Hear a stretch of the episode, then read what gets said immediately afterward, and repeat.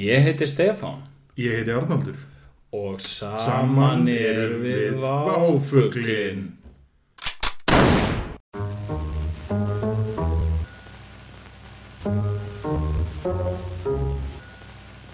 Welcome to The vulture's lair. I'm concerned. I'm concerned. He's always lurking everywhere. Brian.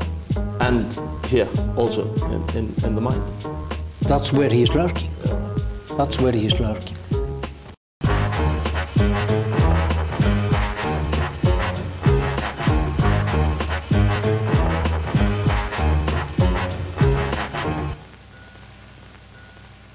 Velkomin í fyrsta þáttin af Váfuglinum. Já, velkomin. Um, Váfuglin er þáttur um menningu. Já, en uh, við ætlum ekki að ræða um rækisamlugur akkurat núna. Uh, mér finnst allt í lagi að byrja þetta á lægstu menningunni fyrir utan rækisamlugu sem er talað sjónvansefni. Já, þetta. hérna, og mér datt í huga að við getum tekið okkur smá tíma að ræða um Twin Peaks. Já, það er náttúrulega helviti skemmtilega þetta. Maður getur nú alveg glemt sér í margar klukkustundir, sitjandi fyrir hann að sjónvarpið. Og líka glemt öllu sem maður hefur séð af því að það er ekki mjög línulegur sögutráður í þessum. Nei, En hérna, nei, ástæðan fyrir það að við langar þess að ræða þessum Twin Peaks er, er kannski ekki alveg tilvíðun sem ræði því. Ég, hérna, e, nú stend ég sjálfa mig að því að vera að rifja upp Twin Peaks sem ég horfði mjög mikið á hérna fyrir einum til tveimur áratugum síðan. Það er vegna að það er aftur að koma meira Twin Peaks. já, Hvað finnst þér um það? Að það sé bara, rí, eh, ekki eins og reboot, það er bara framhald 30 árum sinna.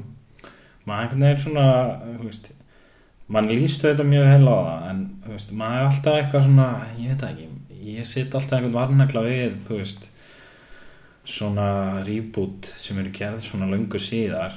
Það er stórhættulegt. Hér er þú uh, einn stórmunur á þar sem að næstu allt sama svona krú og kast er saman komið aftur. Sem að mér vitandi bara hefur sjaldan eða aldrei gerst áður bara í svona sögunni. En uh, það nú ekki allir verið með. Loglady er dáin. Já, já, sem að fyrir mér bara, þú veist afskrifar þetta prófi þetta miklu leiti já, uh, líkil karakter hann má segja. Það má segja það. ég man eitthvað ekkert hvað hann gerði í, Og þessum maður er þáttum. náttúrulega að ræða þarna við einhvern trjádröm sem náttúrulega ákveðið krydd í þetta sem er leðalegt að missa og það var náttúrulega tragist stóri minnum í baka það var ekki hérna maðurinn hennar dó eitthvað og hann var skóaröksmaður allan hafi heitið Trjámann. Líklega, líklega. Ég myndi halda það. Akkurat. Hérna, já, en ég man allavega hún var eitthvað að ræða um einhverjar uglur og svona. Ég að vera áhugert hvernig þeir tækla þetta tómarúm sem myndast með brottkvarfi hennar. Ég, hérna, mér finnst gríðarlega líklegt Ég- að það verði tækla þannig að það verði bara aldrei nefn nei þú heldur ekki að þau fara út í recast? Nei, ég held að það verði bara ég held að það verði bara sett Natalie. Portman. Natalie Portman haldandi á trjátröm já, haldandi á plasturöri updated. Nákvæmlega. Uh, já. digital, já, eitthvað lag.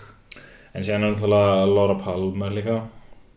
Goner hún er góður en það er svo sem, ég veit ekki, ég veit ekki hvort það er eitthvað það var kannski vitað. Já, það er nú svolítið búið að vera svolítið ríkjandi ástand þarna hvort sem, hvernig sem við horfum á það en, en þannig að það er kannski í raun og veru hefur engin áhrif á hindi neitt nei, þannig að við skulum nú bara ekkert uh, svekja ykkur yfir því. Ég sé að þú er mjög söktur yfir þessu ég, ég, ég, ég, ég minni yfir þessu sko. Rusli. Ég er mjög þessu en sér finnst mér líka gaman að hérna, ég var einmitt uh, tók viðdal við konu um daginn. Já, sem er uh, formaður nei, ég veit ekki hvort það heitir formaður en svona leiðtói forsprakki Tvídraanga tvítrangar það er samfélag sem ég er hluti af. Já, Ég myndi ég tók eftir því þegar ég var að rannsaka þetta mál. Þegar ég var í uh, rannsóknu og blaðamennsku í kringum þetta Já. allt saman uh, og, og hérna um eitt, þú veist, það sem ég hafði nú reyndar alveg heyrt á þér en, en þú svona, þú veist, var kannski það merkilegasta sem hún var að segja var að hérna Uh, sem sagt, þetta var náttúrulega svo vinsælt á Íslandi á sínum tíma væntalega út að það var þarna djúb, djúb Íslands tenging sem Íslandingar elskar rosa mikið og kannski sérstaklega árið 1990 þegar það var kannski ekkit mikil Ísland var nú ekkit mikið svona það alltaf var bókstaflega engin Íslands tengingu neitt. Nei, það var öllum saman með Ísland þá. En þá var náttúrulega, þú veist uh, eins og allir vita, það var uh, Sigurjón Sigvardsson hann uh, eða þú veist propagandafilms. Já, fyrirtæki hans og, og sem var þarna íslensku kór. Og íslensku kór. Það var kannski það var mér að sko, ég vænti þess eh, svona hafandi heyrt af já, hann, hann hvað vera harður í, í samningum hann Sigurjón og í, sko mig reynir grunum að hann hafi beinist sett á kröfu fram að það er þannig einhver íslenskur kallakór að, með kauptilbóð í hótelið. Já, sem að leikur hann stórt hlutverk í þáttunum. Og hérna, einmitt út af því að hérna út af þessum Íslandstengingum þá var þetta bókstaflega vinsalasti þátturinn í sjónvarpinu sem er allavega svona eins og ég horfa á þetta, þú veist, ég man ekkert eftir þessu, ég var þryggjára á þessum tíma. En uh, þetta er samt svona, ég er svolítið sérstætt, þú veist, þegar maður horfir á Twin Peaks þetta er náttúrulega þessi svona David Lynch esk sjónvarsþáttur bara, þú veist, nákvæmlega eins og maður myndi ímynda sér þessi sjónvarsþátt eftir David Lynch sem maður hefði aldrei séð Twin Peaks og einhvern myndi segja manni frá þessu en þú veist, það var bara götuna voru vist tómar í Reykjavík þegar var verið að sína þettina já, og sko eins og hérna, þessi ágæta kona sem ég man ekki alveg hvað heiti sagði mér, þá var hún sko horfa á þetta nýjára gömul. Það hefur örgulega verið bara mjög traumatizing. Já, ég hugsaði það mitt og hérna en hún er bara eitthvað þvílitt heillu af þessu Já. sem ég er svo sem skilaleg þú veist, ég veist, ég man að vera traumatized að horfa á X-Files til dæmis. Ég mitt ég, en það var síðan rosalega heillandi svona einhvern veginn síðar. Ég, að- ég, var mjög traumatized að horfa á Robocop Já, þegar ég var 6 að 7 ára gammal eðlilega. Og hérna, en ég var mjög mynd. Gata ekki lá, og hún en í dag er einu mínum já, þannig að svona traumatizing svona dót sem að, að kannski Já, ég held að það sé svona- mömmunni. Já, ég held sko að hérna maður þurfi allan að vera traumatized af einni kvikmynd já, í æsku. Og þá verður það rosa svona mikil uppáhalds kvikmynd held ég. Algjörlega, ríkar tilfinningar sko. ég var eitthvað traumatized af mjög mörgum kvikmyndum. Alveg alveg bara öllum kvikmyndum sem sást Nei, nei, ég bara sá mjög mikið af kvikmyndir sem ég hefði kannski ekki átt að vera að horfa á. Nei. ég man að mjög traumatized af Predator. Já, já, já, og ég sá meira sér sko Predator 1 og 2 og þær voru báðar traumatizing me. Og það ég, sem sagt vinnu minn var um, svona æsku vinnu minn kannski þegar ég var svona í kringum 6 ára líklega.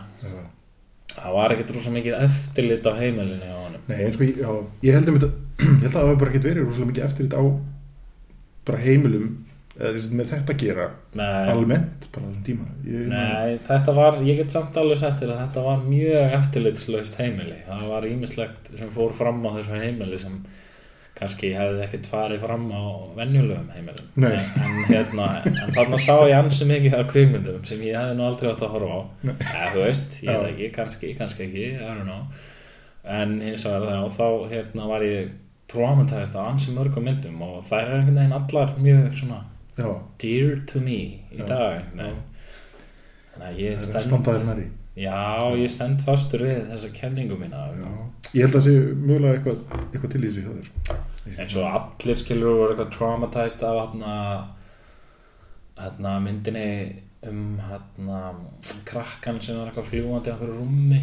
Já, Nemo. Ne- Nemo, Nemo, já, akkurat sem var líka tölvuleikur á NES þetta er mjög góður tölvuleikur en ég veit ekki, ég gaf alla NES tölvuleikina mína þegar ég var svona, svona það var eitthvað svona, svona sko, leið mín inn í fullorna manna tölu var að gefa allt skilur við, allt sem var töff Já. þegar ég var barn. Já, og sko ég bara lifi í miklu eftir sjá eftir þessu öllu saman býtu var þetta eitthvað sem var snittur til að gera? Nei, nei, þetta var bara eitthvað sem ég fann upp ég ákvað að, að þú veist, ég væri komin yfir þetta þetta væri ekkert fyrir mig í dag sko.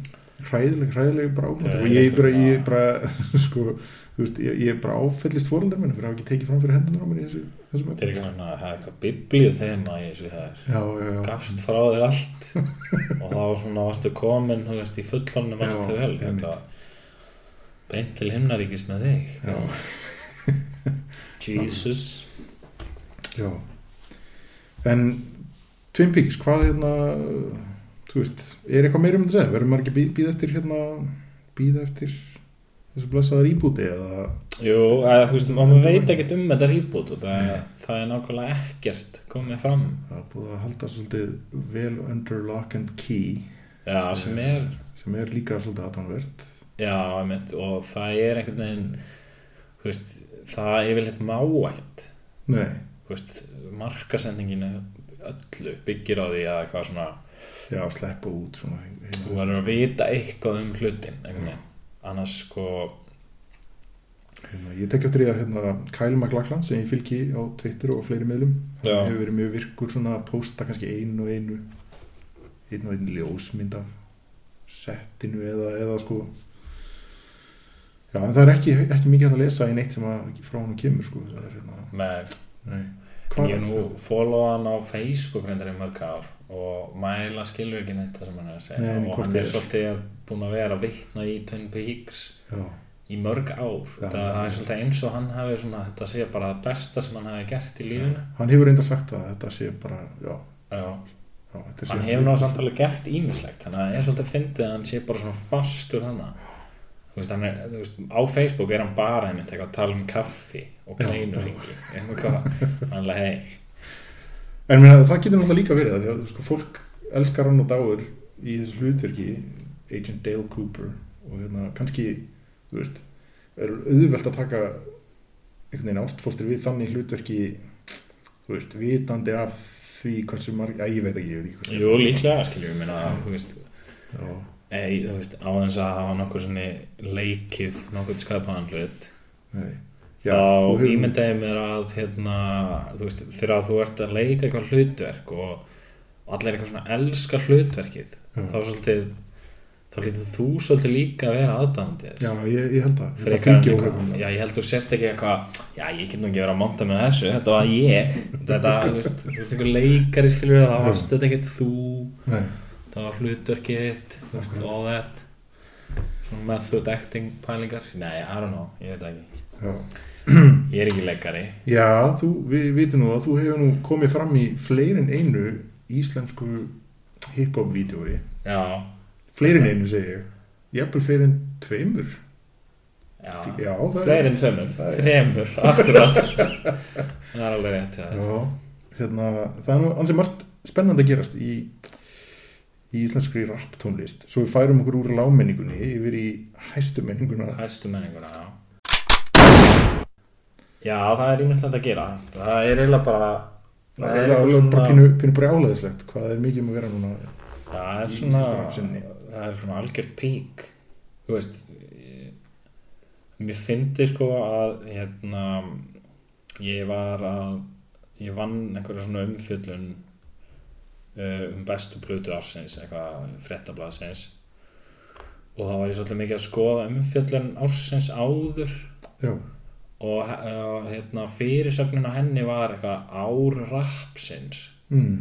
sem var sem sagt 2015 Já það hefur verið þá.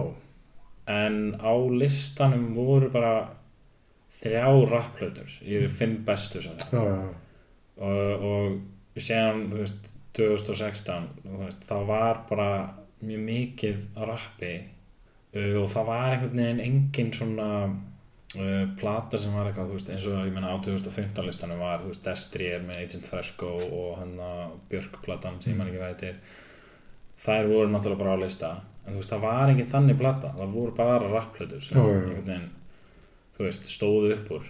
Að það sem mér fannst og hérna En þá kannski var ekki svo mikið verið að hlaupa upp til handafóta núna eins og þetta væri bara orðið svona pínuð menn bara búin að sig á það að- nú er bara píka Já, já, klárlega sko veist, hérna, veist, það er bara þannig veist, þetta er einhvern veginn svona maður er oft sagt eitthvað, sagt að rap sé einhvern veginn eitthvað nýja sveitaballa poppið Já, þú þú veist, Sveitaball og Poppy hvar alveg en nú er bara einhver, einhver MC Gauti að spila á einhverjum grunnskólaböllum, eins og veist, á móti sól voru á sín tíma. Já, já, uh, en, en sko það er samt ekkert bara þannig. Það er náttúrulega líka skiljur rappur og líka veist, spennandi tónlist. Það er ekki bara þetta svona, veist, eins og sveitaballa tónlist það var aldrei spennandi. Nei, Sveitból tónlist kannski var líka alveg rosalega einsleit tónlist.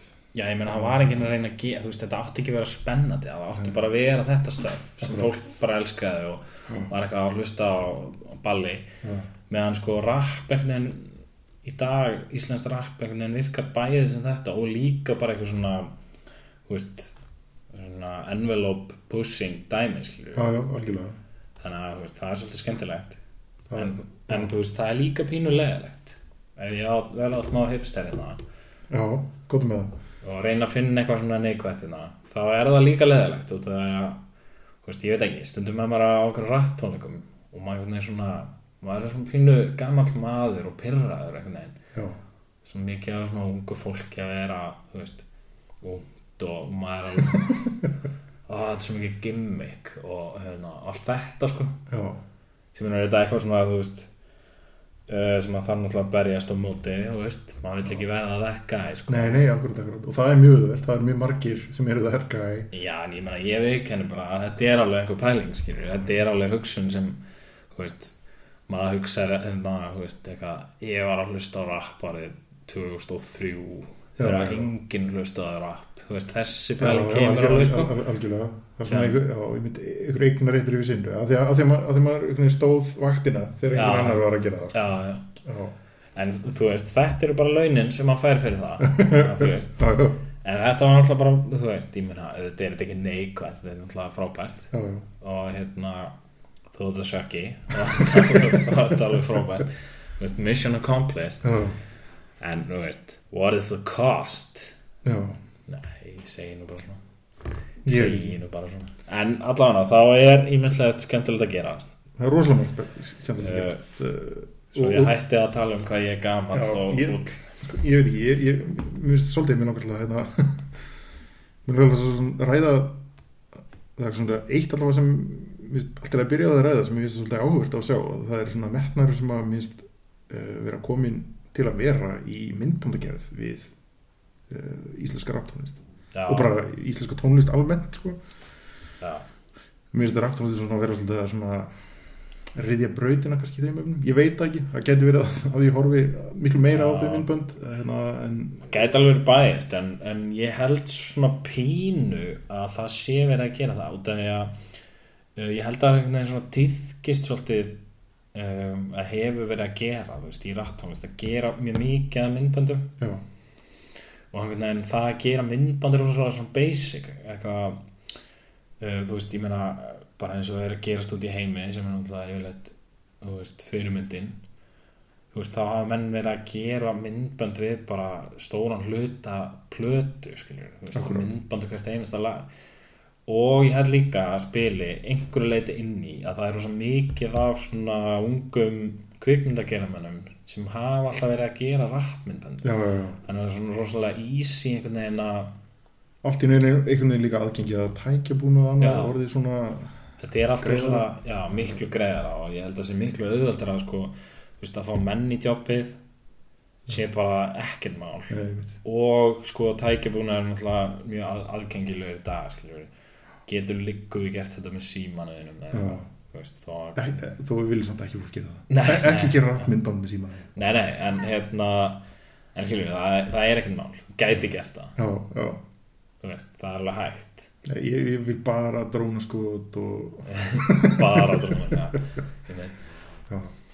það er hérna það er mjög talað um drónaskot, það er mjög geggjað drónaskot í nýjum myndbandi við lagið hans Aron Kahn, fullir vasar. Já, já, já, hefst á mjög tilkomið fyrir drónaskoti já. sem ég langar bara að ræða þessum út af uh, því sem ég held að allir hljóta að sjá í Já, þessu já, blessa Já, einmitt. og það er þetta snjótippi við hérna uh, Vitum hverju sko við hvort þetta er uh, hvort þetta er viljandi? Ég- eða var Sko- þetta bara eitthvað svona algjört Já, ég veit ekki, sko, hvort þetta er ég hef mikið verið að hugsa um þetta já, og hérna ég veit ekki hvort þetta, að þú veist, mér dætti í hug allt í einu hvort þetta væri eitthvað svona sem að menn hefðu alveg lagt sér fram við í tengslu við myndbáttagerðina eða hvað. En, en hérna, kannski bara sáður ekki þetta teipi það er eitthvað svona rascals út í glugga eitthvað, herðu þeir eru með dróna þarna. Og hlaupi út í garð og eitthvað veit ekki, teikna meina reisastór teipi í snjóin já, ég meina það getur verið. Eða þá bara einhver on, on set það verður rosa fyndin, Já, ég veit ekki. Mér finnst mér mikilvægt að ræða um þetta teipi vegna þess að ég held að þetta sé svona eitthvað sem fólk sér en er kannski ekki endalega mikið að minnast á? Ég sko, fyrst þegar ég horfði á þetta myndband þá sá ég þetta bara alls ekki. Nei, og þurfti einhver að benda mér á þetta. Síðan senda mér screenshot. Og ég var eitthvað, "Ha, ok. Já, en þú veist hérna hvort sem er, þá er þetta ógeðslega fyndið út af því að hérna, veist, það er ekki eins og að fara eitthvað eitthvað kropp eða ófyndið eitthvað. Er maskað út í post Já, og, og líka þú veist, þetta er alveg svona þú veist, þessi, þetta intro Já, þetta er alveg svona alveg highly dramatic mjög langt og drámið þindró sko. slow-mo eitthvað svona drónaskot sem fylgir eitthvað svona þú veist, einhverjum gömlum bíl sem er svona eitthvað riding algjörlega. og þú veist Aron Kahn eitthvað hérna bara þú veist eitthvað singin bara algjörlega. Singin og flexin og allt sko. Já. þetta er- er ótrúld myndmann ég, Já. hérna, já, fólk verður bara náttúrulega að kynna sér þetta og skoða þetta. Ég, eitt sem ég tekja þetta, að við erum að tala um áhrif annars stað frá þetta er eitthvað sem ég hef verið mjög áhugað samur um í myndböndum Arons Kans það eru svona hvað ég segja, visual referensar í future myndbönd sem mér finnst mjög ábyrjandi og ég, mér finnst eiginlega ekki sagt að neyta því. Nei og sérstaklega þetta myndband. Ég meina hann er náttúrulega reyndar bara gert tvö myndband Jú, jú, akkurat. En hérna, þarna er það náttúrulega uh, ótrúlega einhvern veginn augljóst eða þú veist augljóst, ég veit ekki hvort það er kallað það en ég meina Nei. það er bara það er bara clear visual reffi Algjörlega. sem er uh, future myndbandið við lagið uh, Coding Crazy. Algjörlega. Held Coding Crazy já algjörlega. það er náttúrulega eiginlega bara ákveðna hliðstæður þar. Já. Sem er líka ákveð referens í myndbandið hans við Ingi Morl og Grunaður. Já, já, já, klálega sko. Kódín, fjólublár, himinn og allt svona enda líka, þú veist, ég meina þetta er bara dásanlegt að menn eru bara einhvern veginn komnir þar að þeir geta verið að taka einhver svona cues og gert þau vel og staðfært þau og láta þau virka skilur. Já, já, sem er náttúrulega bara líka, þú veist, tónlist hennar Saron Khan er Mm. náttúrulega bara ákveðin, þú veist, musical cues líka frá meðal annars Future Algjörlega. sem er mjög reyndar svona, sko, mjög svona stert influence, mjög augljóslega, þú veist, bara upp á allan hennan, bara allan stílinn sem Aron notar, sem er nefnilega eiginlega eitt af besta við þetta er að, þú veist, hann er rosa mikið, þú veist, að gera Future aðeins á nokkurn hátt sko, þú veist, hann er ekki að bæta Future, nei, nei, nei. Heldur er hann svona, þú veist, hann er að gera Future nema bara Algjörlega.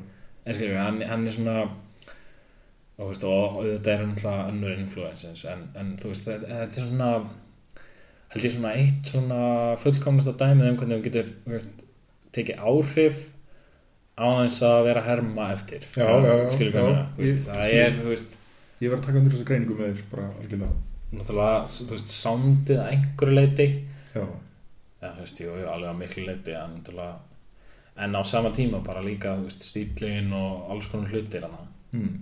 og bara, þú veist lúkið og lúkið á myndböndunum og samt aðeins þó að vera einhvern veginn að herma heldur bara svona draga ákveðna hluti fram sem þarna er svona sammeðilegir einhvern veginn Já. Það er í svona í einhverju víðar samkvæð það finnst mér það að eiga um bara íslensku rapsinn að, að þú veist um, þú veist, mér finnst sko, hafandi verið að fylgjast með í mjög langa tíma einhvern veginn já, að þá var fólk svona að taka rosalega mikið af influensum og kannski ekki rosalega mikið að gera sínum eigin eða þú veist, jú, jú, það voru þetta svona einhverja tilraunir með það og menn voru það hafa verið að rappa á íslensku og svona eitthvað. Já, en ekki kannski nógu confidently til þess að veginn, ná að búa sér til sína eigin senu kringu það og það er kannski það sem við erum að sjá bara svona koma fram í dag já, ég mun að þú veist, þú veist lengi vel, þá voru bara örfár hljómsveitir sem náðu einhvern veginn að skapa þessi sína sérstöðu, þú veist. Þú veist, ég, hérna þú veist, bara Rottweiler og, og, og þú veist hérna, Forgan Lors og bara fleiri hljómsveitir sem voru svona með eitthvað ákveðna sérstöðu, þú veist, þeir voru með eitthvað hljóm þú veist, og kannski þú veist, voru þeir með einhver sterk sterka áhrifvalda e, e, þú veist, það vo- voru einhver áhrif en, samt einhvern veginn þú veist, það heyrði það ekki og þau gerðu þetta svolítið að sínu og það var svona eitthvað ákveðið svona pínu svona goofy íslenskt einhvern veginn. Meðan sko að stór hluti til dæmis bara, þú veist, það var ótrúlegt að það var svona tímabil í íslensku rap þar sem einhvern veginn allir voru bara að rembast við að rappa eins og Eminem. Já, já, já, algjörlega. Og bara svona Eminem is rap einhvern veginn. Það, bara, veist, það voru allir eitthvað að berjast eða rýma sem mest. Já, og þú veist, þetta var veist, þetta, þetta er einhvern veginn svona veist, það er eins og þetta hafi þurft aðeins svona veltast. Mm þetta óþólandi Eminem rap sem var svona nettast í heimi á þessum tíma veist, fannst flestum. Jú, jú. og síðan svona einhvern veginn þegar þetta loksinn svona hvarf þú veist fólk svona, að, þú veist, íslenskt rap svona vann úr þessu og þá einhvern veginn svona mergeðu þú veist, miklu mótari artistar, þú veist, og, mikið af þú veist, og það er meira þess að ekkert svo margir í dag einhvern veginn sem hafa neitt verið eða þú veist, hafa ekkert verið það lengi, akkurat þetta er hug bara Gauti Já, sem er búin að vera endalust lengi. Mm -hmm. uh, og síðan þú veist eru náttúrulega nokkri gamlir en einhvern veginn samt ekki. Nei, nákvæmlega, þetta er rosalega mikið fresh faces þetta er eiginlega bara fresh faces. Já, já.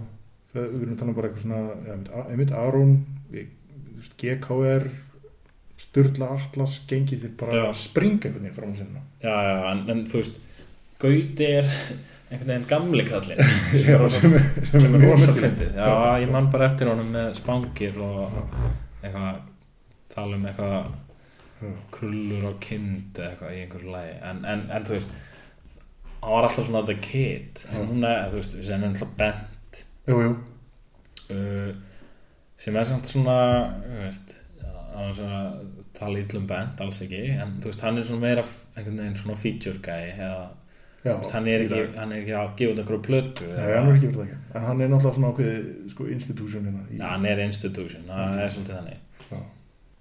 Já, en það er allavega, þú veist, ótrúlega gaman að fylgjast með því hvað það er margt spennandi nýtt búið að gerast og, hérna, þessi hljóðheimur einhvern veginn tekur bara stöðum framfyrum í, í mínum huga. Og hérna það verður gaman að fylgjast með hvað gerist næst? Já, já, já, já, það er mjög spennandi. Ég, hérna, ég ástæðan fyrir ég vil ljúka þessu umræði að, að mér langar til þess að ræða um sko, ótengt rappi. Og þó, maður veit nú kannski af því menn eru duglegir að hérna, menn eru duglegir að líka gaman að fylgjast með því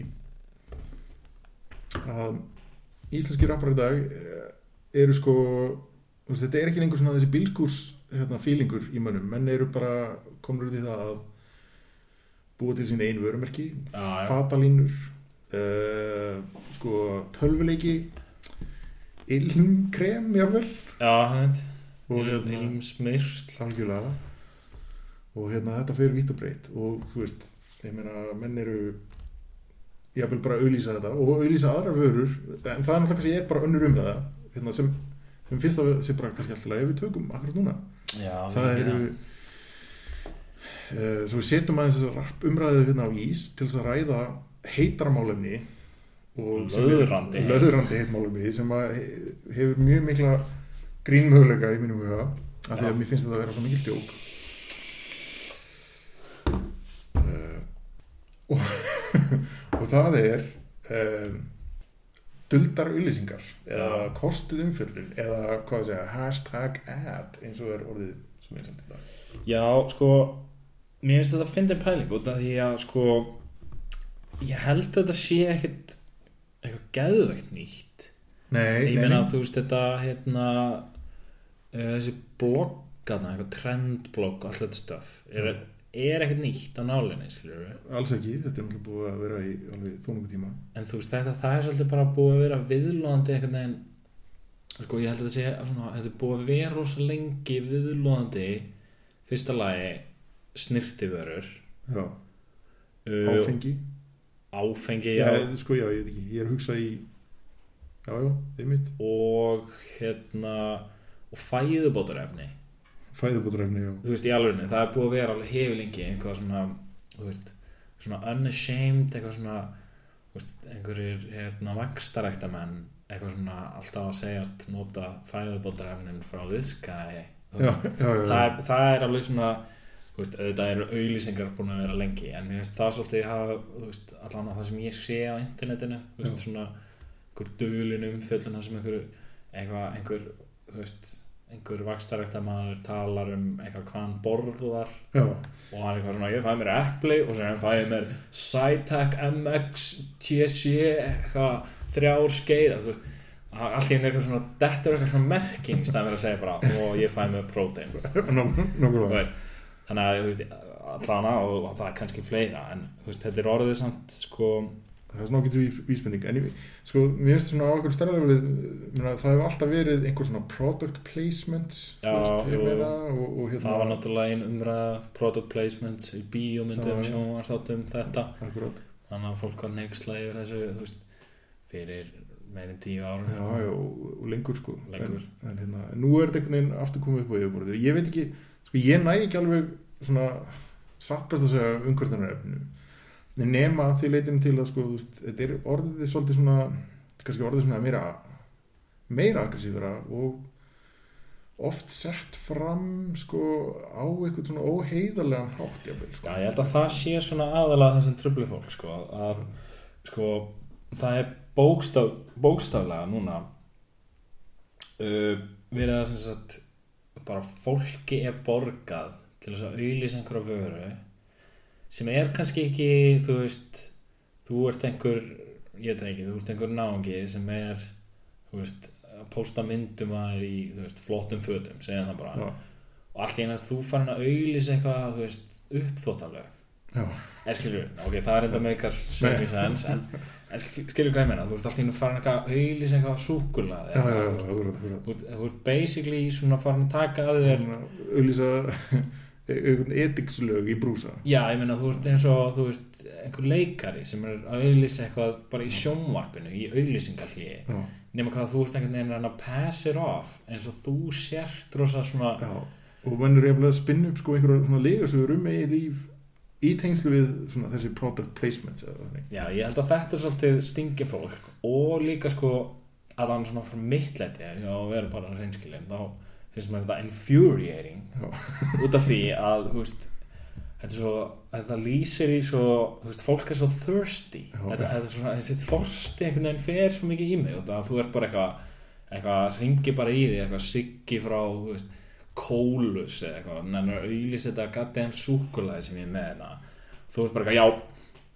Eitthvað, og svo fyrir dagar ok. með að hugsa hvernig þú potar því inn í hérna daglegu ég meina- ég meina að, þetta meikar enga sens og þú ert alltaf eitthvað farin að auðlýsa eitthvað goddamn crap.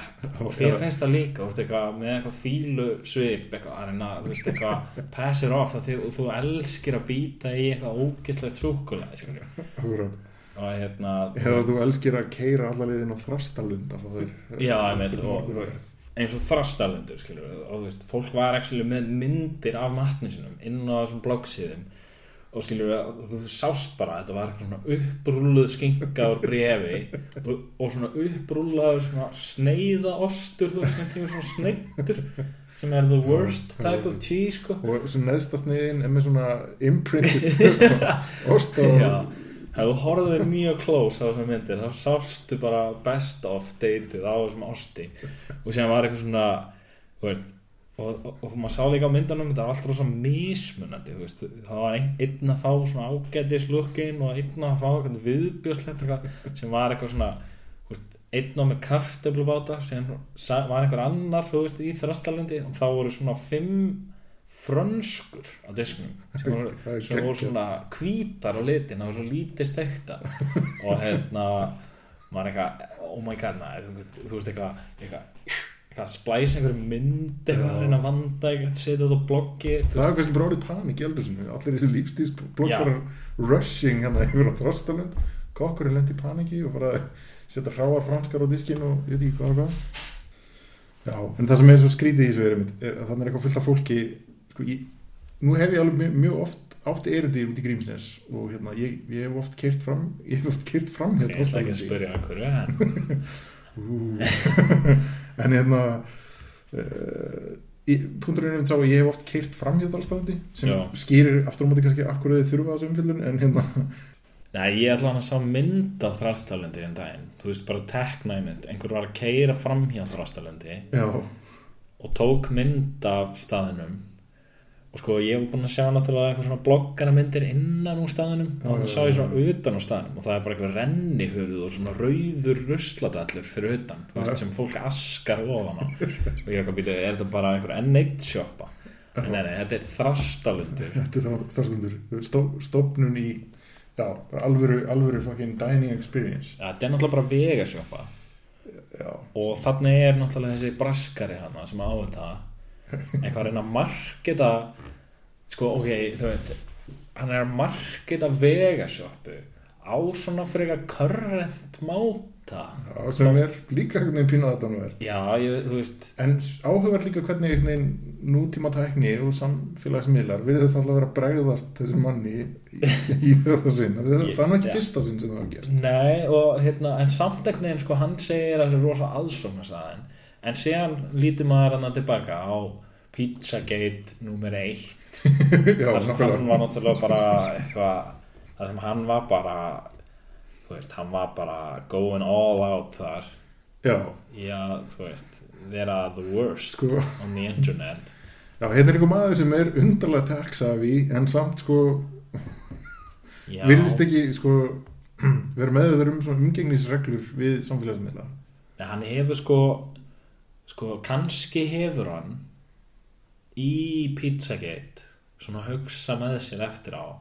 Eða einhver hefur svona hann sem er alveg sko sem er alveg þeirri pæliði þá er það alveg líklegt. Og það er, veist þetta þrastalunda lundsdæmi er allt eilenda þannig að fyrirtækið sem er svona eitthvað social media bullshit fyrirtæki ok, með hérna, fyrirvægandi Ungrú Ísland. Já, sem man ekki hvað heitir heitir eitthvað svona Ungrú Ísland nafni eitthvað. Ösplilja eða eitthvað svona.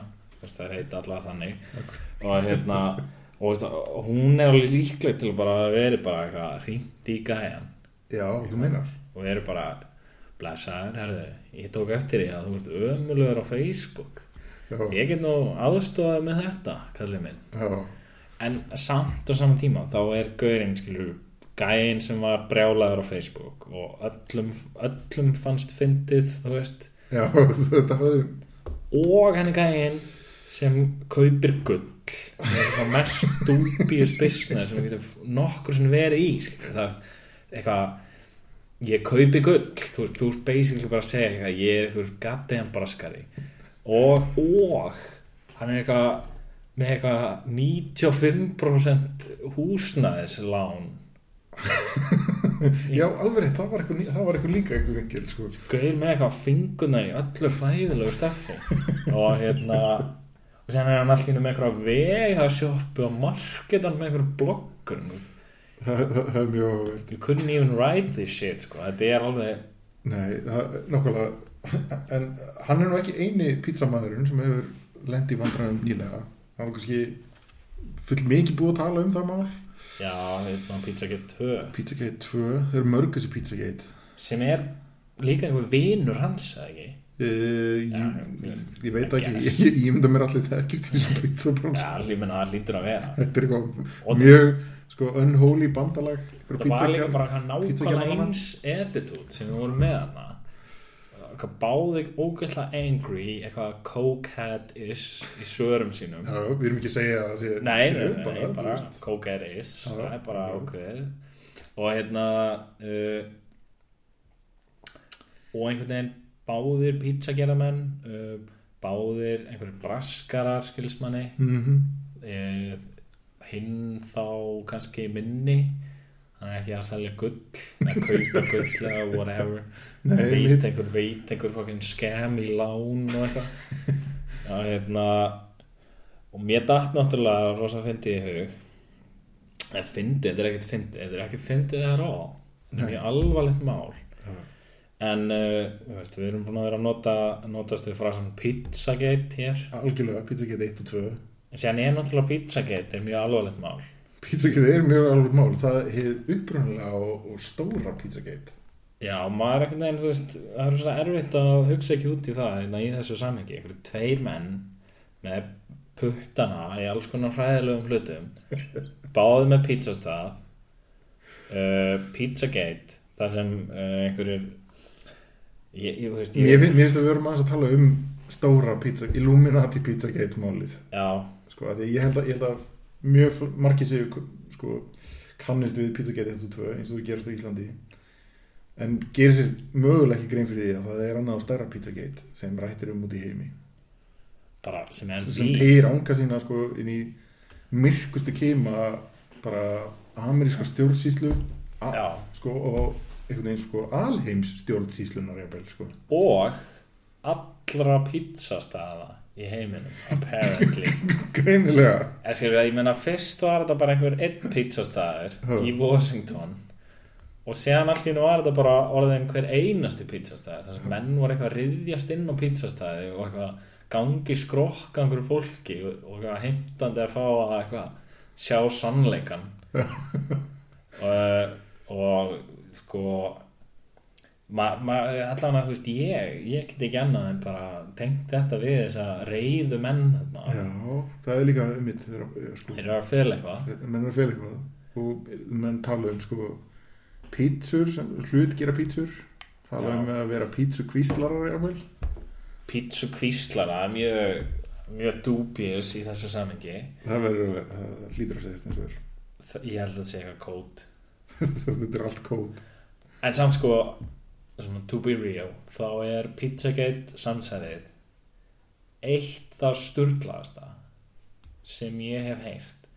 Út af því þetta er náttúrulega bara sko þetta er svo augljóslega meira stöf já, ég held að verða já, ég og veit hérna og sko þú veist ég meina samsæðiskenningar er náttúrulega allar meira en það er einhver þarna með einhver svona sannfæringu en ég sko held að Pizzagate sé einhvern veginn sko það sem er svo fascinerandi við Pizzagate er að þetta er svo mikið hard, þú veist, þetta er svo mikið þetta er svo erfið sala sko. þetta er svo erfið pitch.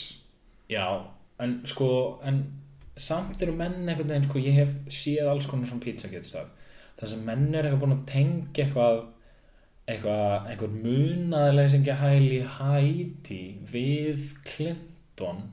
Algjörlega, Clinton fjölskylduna og eitthvað og það var eitthvað dubious maybe í gangi þar. En einhvern veginn er maður ekkert rosalega sannfærður um það. Nei, nei, annað en þetta eru munaðleysingja hæli sem er svona yfirleitt pretty terrible places. Já, uh, en síðan er einhvern veginn svona úst, einhverju pizzastæðir flæktir inn í þetta. Og það er það sem er svo fyndið við þetta út af því að þessi- segjum að sé einhver child uh, eitthvað svona pet og hringur uh, eins og Pizzagate kenningin segir um. Já, já, já. Þá, þá er svo þá, þá er svo skrítið að sé alltaf búið að tengja þetta við þessa pizzastæði út af því að eitthvað það var að vera að tala um pizzur í þessum e-mailum sem lágu frá Clinton. Já, uh, og, og, og þú veist og ef það er einhver einhver, einhver pet og hringur það, og, það hefur engin tengslu þessa pizzastæði þá er þetta að veit ekki, þetta er, þetta er bara Nei, það, það, Ridiculous. það, það, það er það sem ég finnst alltaf svo, svo ótrúlega magna við, við þessa kenningu það, er er svo erfitt að selja hana og ég, hérna, veist nú, ég hef heyrt rosalega margar undarlega samsæðiskenningar bæði þessar stöðluðu þekktu samsæðiskenningar, eðli fólk og allt það en sko svo hef ég líka bara heyrt mjög svona cracked out fólk bara svona sem fann hjá sjálfur, sjálf, sjálfu sér einhverjar undarlega samsæðiskenningar fann upp bara úr einn brjósti, já. einhver, einhver mjög sko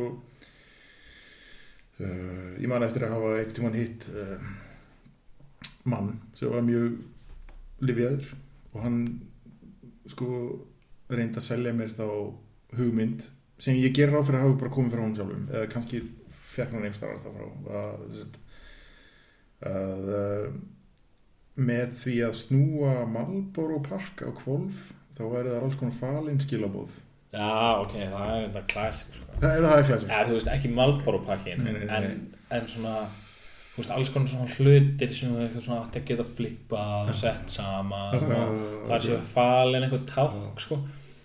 uh, Ég þekki nú mann sem fór einu svona í sumarfrí já, og sett inn hérna, album á Facebook sem var bara taldi einhverja hundra myndir eða eitthvað.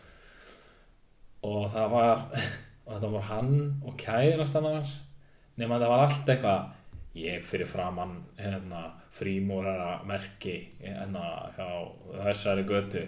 Ég fyrir framann þetta frímúr falið frímúr hver einasta mynd var svona. Já, og þetta er alveg sko frekar heilbröðmaður já, já, já. En þetta er óheilbröðasta myndaalbum sem ég hef séð í lífinu.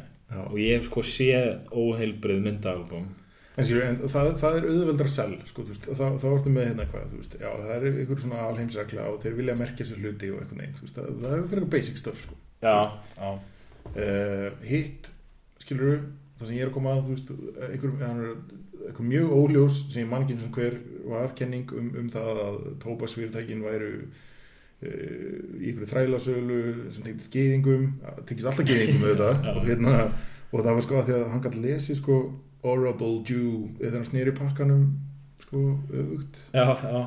uh, það er rosalega erfitt sel og enda keipti ég það ekki sko. Nei, og ég held að fæstir kringum hann hafa gert það sko. Uh, Horrible Jew já sko með ein, einhvers konar rökum máttu lesa það úr pakka og ok. ég, sá það ekki endilega sko en hérna- allavega uh, sko ég set pizzukenninguna hliðin á Marlboro pakkanum sko, sem svona erfið sel og það, það sem minnst áhugavert hana er að það hafi náð svona mjög flugi sko. náð svona í fleiri, ég meina það var þú veist, það voru mótmæli. Það sem eitthvað fólk mætti með skilti og var eitthvað mótmæla einhverju dæmi sem er ekki til. Eitthvað, ég vil ekki pizzagate. Eitthvað, something that doesn't exist. Og líka skilur hver er þetta mótmæla, er þetta mó, mótmæla pedofília, hver, já, ég meina að þú veist, algjörlega. En það, það er örgulega til meira powerful leið til að gera það ég meina að segja eins og svo að hérna, þetta sé allt rétt. Já, og þú ert væri mættur fyrir utan einhvern pizzastað með einhver skilt eitthvað. Ekki, ekki meira pedofília hér. Og hérna hver- hverju á þetta að skila? Eða skil, veit, er, er eitthvað einhver gæi hérna eitthvað þykjast baka pizzur er eitthvað nei, á ég er ég þreif á einhverju batni eða eitthvað í staðan fyrir degi. Og hérna og það er eitthvað, ó, ó, nei. The game's up. þeir eru að mótumæla þessu. Nei og síðan þú veist síðan var ég að skoða myndir á þessum mótmælum. Já, og ég veit ekki ótrúlega myndir. Ótrúlega myndir og ég veit ekki alveg hvað það var í gangi en mér fannst til að besta myndin sko það var einhvern svona speaker geðveitt alvarlegur og svona 15-ish manns að horfa á hann. Já, og hann var alveg svona dead serious í framann og var með svona propeller hat. Þú veist svona derhúi með svona þyrlusbaða á sem í- sem þú veist rýri málstæðin held ég. Já þú veist ég ímynda mér að hann hafa eitthvað svona eitthvað börn. Þetta táknar börn barslegt sakleysi. Þú veist þetta börn í teiknumyndum er alltaf með svona I guess. við skulum ekki skada börnin. Nei. Nei nei Nei, en talandi um, um hérna skyndubita og, og, og pítsur og hvað þá hérna, og barnan finnst mér rétt þá finnst mér rétt að við færum okkur yfir í fastanlið sem er rækisónlogan shrimp sandwich, shrimp sandwich, shrimp sandwich. That's that's about it. Já, það komið því að ræða uh, mjög mikilvægt málefni sem Já. að uh, ég vona að verði hérna bara mjög ábyrjandi í þessum þáttum allavega svona inn á milli. Þetta málefni verður tekið fyrstu tökku hér. Já, það, það er rækjusamluga uh, ekki rækjusamlugur sem slíkar þó að það er verði vissulega miðpuntur í allri umfjöldun nei, samt ekki. En uh, sjoppumenning á Íslandi. Já Ég mun taka mikið af rækjusamlegum Förstum tökum þú skilur hvað ég meina.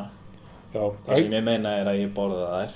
Ég borða rækjusamlugur líka. Ég, ég, ég bara elska rækjusamlugur Já. og rækjusamlugur eru uh, skulum við segja hinn eini sanni íslenski skyndibiti.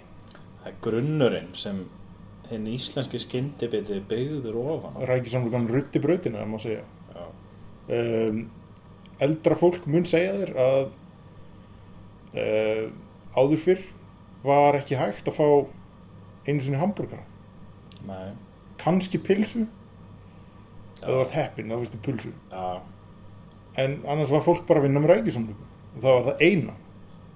Já, það, það er einmitt hérna, þannig að það er er ekkert skrítið að þetta fólk hafi bara verið að sko negla í sig brennivinni og, eða nei ég, svo tengi ekki mjög undarleg þannig að ég ætla að bakka með hana. En hérna ok, I'll allow it. já, en, en, en sem sagt, já það er ekkert skrítið að þetta fólk bara sé siðspilt og, og, og hérna kunni ekki að búa í samfélagi í dag. Nei, eldra fólk á Íslandi minna já, þetta er fólk sem að þekkir valla hambúrgara alið upp á rækjusamlugum og þó ég elski rækjusamlugur þá sko einhvern veginn hef ég sloppið við þú veist að lífið er ekki bara ég veit að rækjusamlega. lífið er ekki bara rækjusamlug Í lífinu er til margt annað en rækjusamlega. Þú getur ekki lifað á rækjusamlegunni einni saman.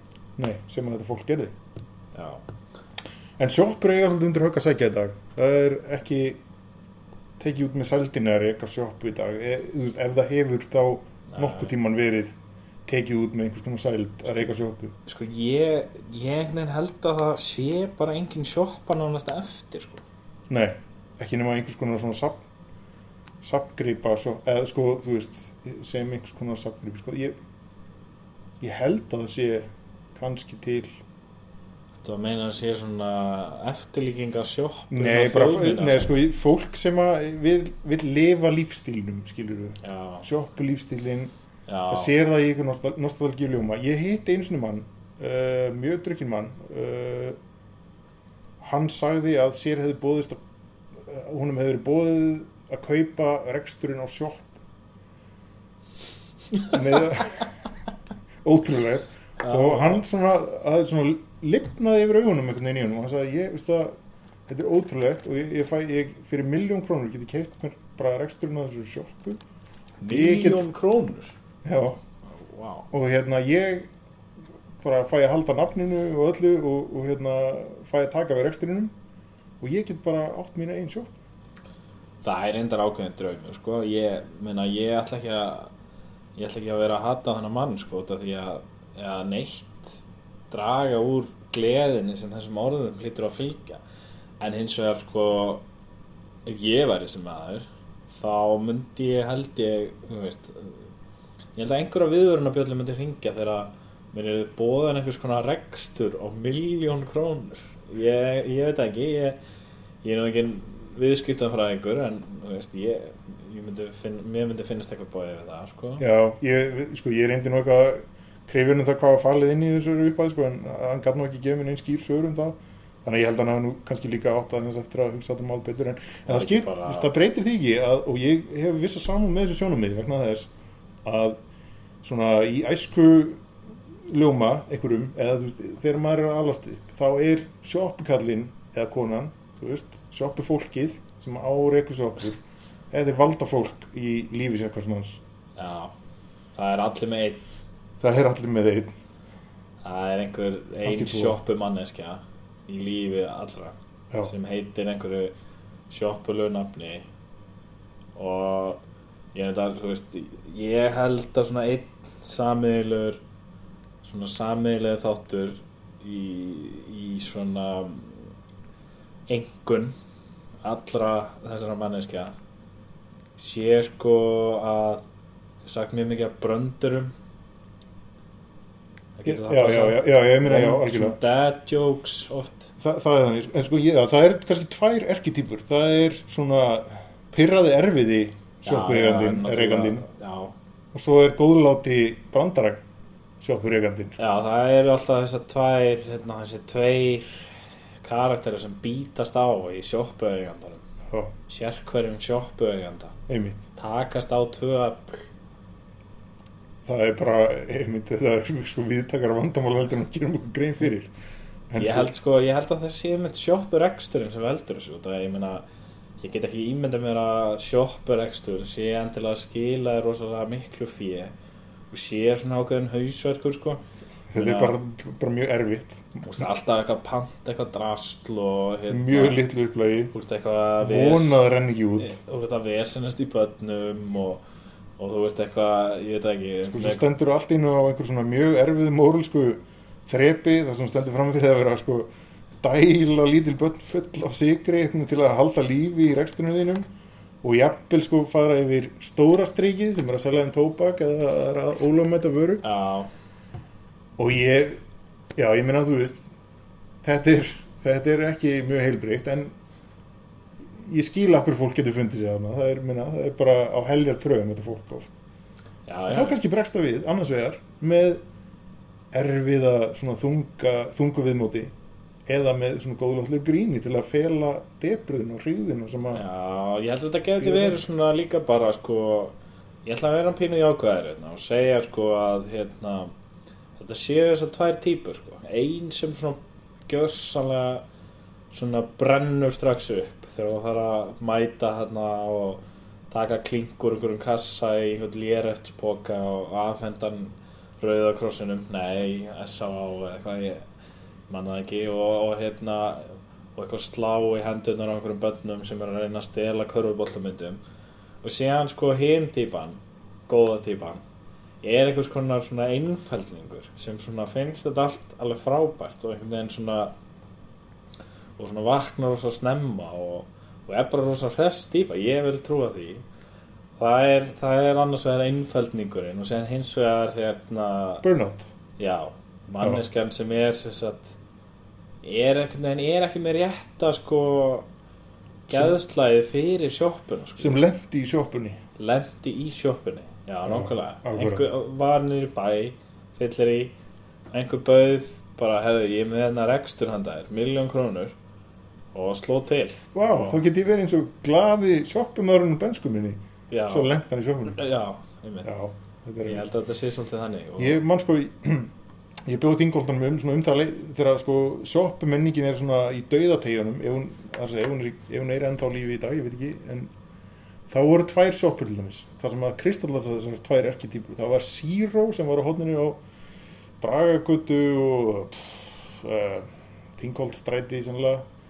Uh, þar var rosalega reyður og erfiðu bitur gammalt kall já, ótrúlega gamlar vörur og, og hérna, veginn allt mjög erfitt og svona maður ma sá að hann hann gekk út frá því að maður væri að stela einhverju inn í sér sko, já, já. svo tók tíminn bara þennan mann sko. en svo var aftur á móti hérna Hallin sem var hérna í brekkunni hjá MR þar var alltaf mjög svona glaðvær og já bara glaðvært og gott fólk sko sem að hafi gaman að því að grínast og ég held að það hafi verið það var hérna glaði sjópumæðurinn þar, glaða Já. Það var einmitt hérna sko það var einmitt mjög sko það var einmitt rosalega svona ég fekk svona svolítið sjoppu skalan uh, í minni æsku út af því að það var sjoppa rétt hjá heimili mínu síðubúð og það var sífælt verið að skipta um eigendur þar. Þannig að svona ég, þú veist, það var svolítið skiptis, þú veist, vondi og góði sko. Já, það var einu sinni þú veist, maður sem var mjög, mjög súr og hann gjörsanlega hata þetta endalega, þú veist, staldraði hann ekki lengi þarna. Og að, sko við honum tók einmitt bara mjög svona ég myndi segja bara svona erketýpan af góða sjoppumanninum og hérna hann var einmitt, maður kom inn í búðina og hann, hann var alltaf með einhverja svona hérna, passa á vatninu það, það er blöytt brandara og hérna sem var mjög skemmtilegt og, og einu sinni sko svona góð saga af, góðum með sko hans og svona innfældnings innfældningslegri góðmennsku hans þá einu sinni reyndar ekki æsku en töluvert svona liðu ólingsár mín og það var svona síðustu árum þessari sjóppu þá var ég að koma úr miðbænum eftir skemmtana hald með honum félagum mínum. Og honum vantaði síkarettur en klukkan var fjögur um nóttina og sjóppa var nöðulegt lokuð þá en, en og, hérna, og við stöðum leigubílum fyrir utan sjóppuna vegna þess að hún var einfallega bara miðja leið svona á milli heimil okkar. Og nema hvað það var einhver inn í sjóppinu sá við. Og, og það var lauruglubíl fyrir utan. Ok, en það áhugaverð þarna. Og hérna og við svona stoppiðum þarna og fórum úr bílum og svona pæli hvað var í gangi og þá kemur eigandinn út. Og hérna félagið minn vindir sér upp á hannum og spyr hann hvort hann geti selt sér nokkuð síkartur hvort að það sé einhver möguleiki. Hann bara án umhugsunar segir já að sjálfsög og opnar hröðin og fer inn í búðina nema svona umsvegulegust rekin aftur út vegna þess að það var nýbúið að brjótast inn í búðina og lögreglan var bara eitthvað svona dusting the place með einhverju fingrafara dufti og hann bara Like enderaði crime scene þannig að hann ætlaði bara að ná í síkaretu Þetta er, þetta er ótrúlega saga. Þetta er sko hetju saga. Vil ég meina. þessi maður var náttúrulega ótrúlegur sko. og hérna, ég held að hann sé það alveg ennþá sko, en þetta var, hann stóð vaktina í þessari búð og honum fannst það svo ótrúlega gaman hann var bara, þetta var ævindir á hverjum degi. Já, þetta, þetta er magnað. og það var líka svolítið áhugavert sko, af því að hérna, fólk þekkt hann sko sem bifjalavirkja hann kemur ekki úr stórum bæ og, og veist, ef þú ert e, ef þú ert í einhverju starfi þá ert þú starfið í raun og þú ert bifjalavirkin og hann var bifjalavirkin síðan skyndilega var hann orðin sjoppumæðurinn og En hérna, var samt alltaf áfram bevilla virkin. Nei, hann nefnilega náði að eyða bifjalavirkina Í alvörunni, er það ekki... Ég er bara að vara að rifja upp núna einhvern veginn, hann var- hefði verið bifilagvirki, þú veist, það, það var, hann var alveg búinn að s- ta- að setta þeim ham, hann hann var búinn að skilja uh, það eftir bara í fortíðinni. En séðan reyndar hitti hann um daginn, uh, ég var stattur hérna, í bænum mínum um jólin líklegast og stóð þar í leigubilaröð og hann er fyrir fram að mig, mjög drukkinn. Og hann var frekar leðilegur sko. ég verði alveg að viðkynna það. Og þá var hann einhvern veginn svona- hann greinilega, hann greinilega svona kameljón. Hann, Kanski er hann bara búinn að brenna út. kannski er hann búin að brenna út. Hann var samt alls ekki fúll sko. Nei, nei, mjög en mjög svona leiðilega hress. Hann var svona eitthvað En þá komum við eftir að nostalgíu elementinu sko. Það er kannski svona, eru pappabrandarar með ákveðin svona sjarma þegar maður er yngri, ég veit það Já, ekki. ég er náttúrulega klárlega búin að sveipa hennan mann einhverjum Já, dýrið og ljóma já, sko, já. það er alveg bara fyrir ekki milli mála þannig, að- þannig að það er örugglega alveg rétt hjá þér. Heyrðu, þetta var gullfalleg saga frá Akureyri sem þú dildir hérna með okkur Já, þetta er bara uh, snertir í manni hjarta, beinalega algjörlega ég hérna, en við höfum ekki tíma fyrir mikið meira að þessu sinni.